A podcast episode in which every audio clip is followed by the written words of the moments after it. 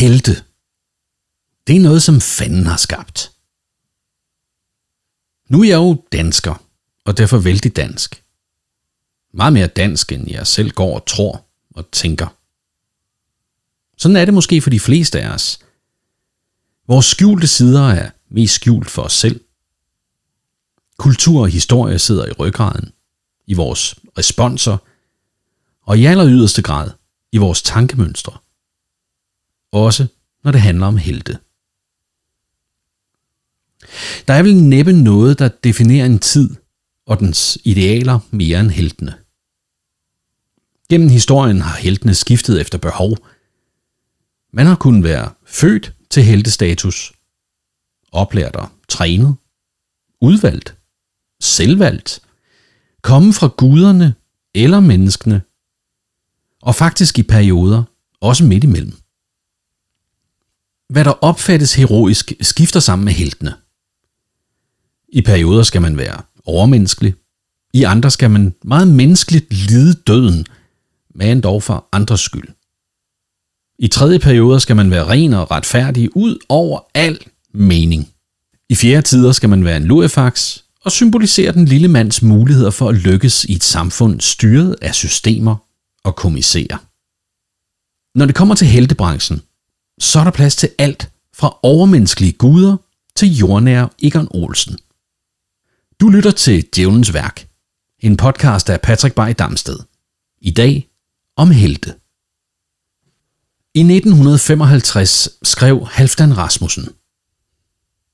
Tiden går, og tiden værger store mænd til mandig død. Jeg, reserven blandt reserver, bryder ofte ud i gråd. Jeg får nerver og migræne, blot jeg skærer mig på en dolk, og vil hellere slå min plæne, end slå løs på pæne folk. I dag læser vi ordene som en hyldest til den danske antihelt, der vil bruge tiden på at civilisere naturen i sin indhegnede have, frem for at skabe store forandringer i verdens gang. Hold næsen i skjul og panden nede. Men det er ikke sikkert, at det er hele historien.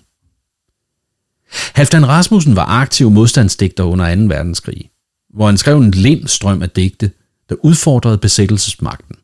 Og på et tidspunkt gav det ham faktisk 20 dage i kashotten. Derfor er det heller ikke helt gal Mathias at tilskrive Rasmussen mere end bare forherligelse af hverdagsheltens stille plæneklipperliv. Og måske tænkte det i rammerne som en blid massage af det slappe mod og træning af det uskarpe blik for selvindsigt. Det er trods alt manden, der både gennemskuede nazismen, kommunismen og kapitalismen på det tidspunkt, hvor de fleste havde blind tro frem for sund tvivl. Det er ikke nødvendigvis et fripas til det ansvarsfri kolonihaveliv, hvor enhver er sig selv nærmest. Tangent. Ordene blev senere indsunget af Otto Brandenburg på en melodi af den norske jazzgitarrist Robert Norman. Norman søgte i den periode, hvor han satte musik til dette digt, tilbage til de harmoniske rødder i musikhistorien, som blandt andet kan høres hos hans musikalske held Miles Davis – som så igen var inspireret af komponisten George Russell, som var en slags jazzfolkenes jazzmand. Russell eksperimenterede med såkaldt modalmusik, men også med moderne virkemidler. Og en af hans helte var jazzvokalisten John Hendrix, der gav inspiration til andre musikere i historien. Som for eksempel Van Morrison, Al Jarreau, Bobby McFerrin og sågar Joni Mitchell, som er en af mine personlige musikalske helte. Måske er det basalt det helte kan. De kan lade os opdage ukendte sider af os selv og opdrage os til at turde gå den ekstra centimeter ud over plejers usynlige, men hårde rammer.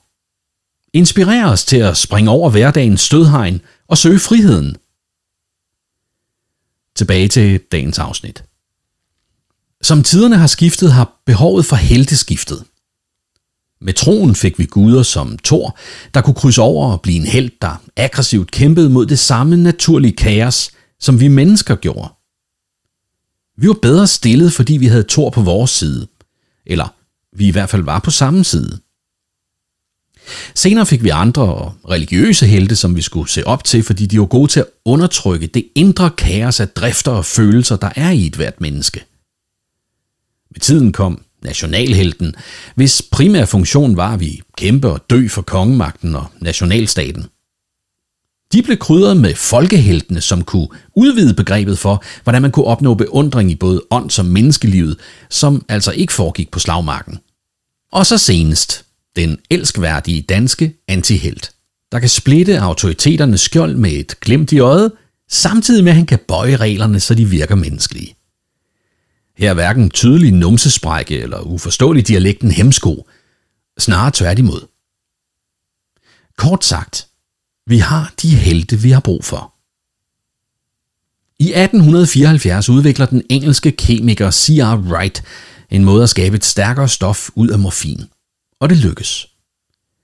Han sender det til en række dyreforsøg, efter man beslutter, at ingen rigtig har brug for de effekter, som det skaber i rotter og hunde. Og derfor bliver stoffet diacetylmorfin lagt på hylden. Her ligger det helt i ro, indtil 23 år senere, hvor den tyske kemiker Felix Hoffmann får til opgave at omdanne morfin til kodein, som til har samme effekt som morfin, men er mindre potent og mindre afhængighedsskabende. I laboratoriet hos virksomheden Bayer i bydelen Elberfeld i Wuppertal i delstaten Nordrhein-Westfalen går udviklingen dog ikke helt som ventet. Og vupti i Wuppertal har Felix genfundet det stærke stof, som er to en halv gange mere potent og langt mere vanedannende end morfin. Hans laboratoriechef beslutter at navngive stoffet efter det tyske ord heroisch.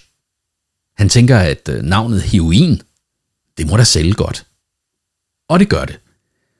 Godt hjulpet af tunge reklamekampagner, der lovpriser alle heroins gode sider og resultater. Blandt andet som hostemiddel heroina, der kan tages af børn, endda uden nogen form for voksen indblanding. I reklamen tager man på job og lader flasken stå på bordet til selvmedicinering blandt de små poder. Ja, det er ikke løgn.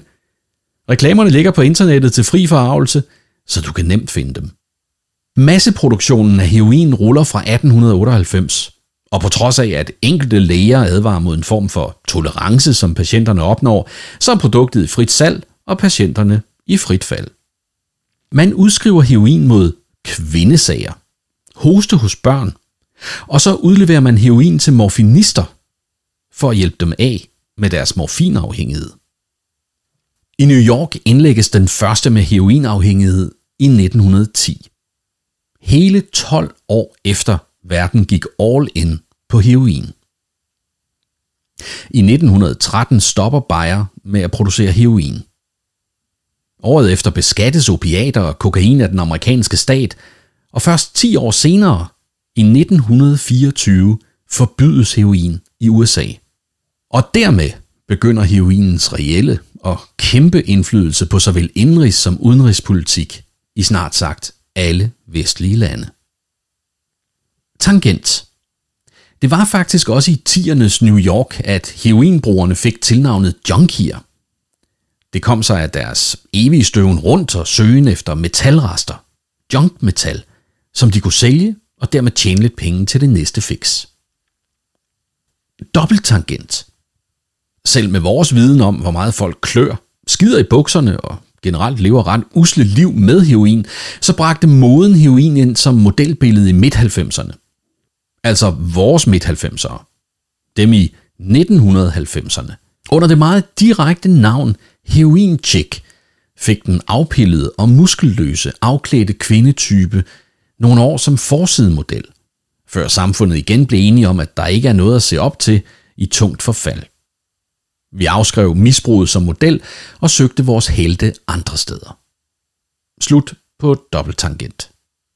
David Bowie kom til Berlin i 1976. Han kom for at forlade Los Angeles, der havde fyldt ham med kokain og et ham levende.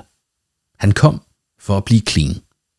Jeg tog fra verdens kokaincentrum til verdens heroincentrum for at blive clean. Heldigvis har jeg aldrig haft smag for heroin, sagde Bowie senere.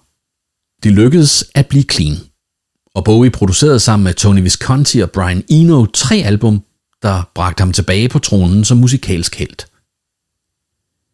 For at få fred til at tænke, havde han sendt alle til pause, og mens han sad og kiggede ud af vinduet fra hans stol i Hansa Studios i Køternerstrasse nummer 38, så han produceren Tony Visconti stå og kysse med en af korpigerne nede på gaden.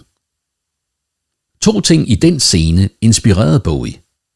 Et, at Tony Visconti var gift, og dermed vidste Bowie, at denne affære aldrig kunne blive til mere end netop det, et øjeblik i tid, som de to havde sammen.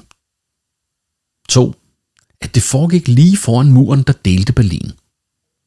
Det øjeblik, der aldrig kunne blive en livstid, blev titelmelodien til albumet Heroes, der bragte Bowie tilbage med fuld styrke efter misbruget havde holdt ham nede, både kunstnerisk og menneskeligt. Bowie havde rejst ind i helvede og kommet ud som et stærkere menneske, der nu kendte sin egen styrke og brugte den fornuftigt på at give alle os andre et soundtrack til resten af vores liv. Et soundtrack, der forstod og inspirerede os. Et soundtrack, der både så, hvem vi kunne blive til, og dermed så helten i os alle. Og dermed er vi tilbage ved den kerne, som Halfdan Rasmussen så fint beskrev i 1955.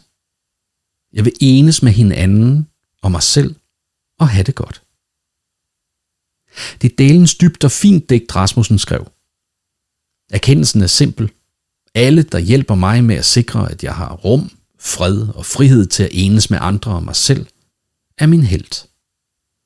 Ligesom alle, der vil dele deres mørke såvel som lyse sider, så jeg bedre kan forstå mig selv, også er min held. Der er ingen tvivl om, at fanden har skabt heroin. Men også heltegærningen, som stoffet er opkaldt efter. Opgivelsen af sig selv for et højere formål. Den lille død, som ens ego eller overflade lider, når man deler det indre med andre. Den store død, når man offrer sig. Heltegærningen er all in. Det er ikke enten eller. Hvis man skal være en held, skal man gøre det helt. Djævlen bliver i skidt humør, hvis du liker denne podcast, og endnu mere trist, hvis du abonnerer. Hvis du rater den, daler humøret endnu et par grader, og værst er det at dele den med dine venner, kolleger eller familie. Du har lyttet til Djævelens Værk, en podcast om de ting, vi møder i hverdagen, som fanden har skabt. Idé, tekst og indtaling er mig, Patrick Bay Damsted. Grafikken har Troels Berg lavet, og tak for det. Til vi høres ved igen. Ha' det godt.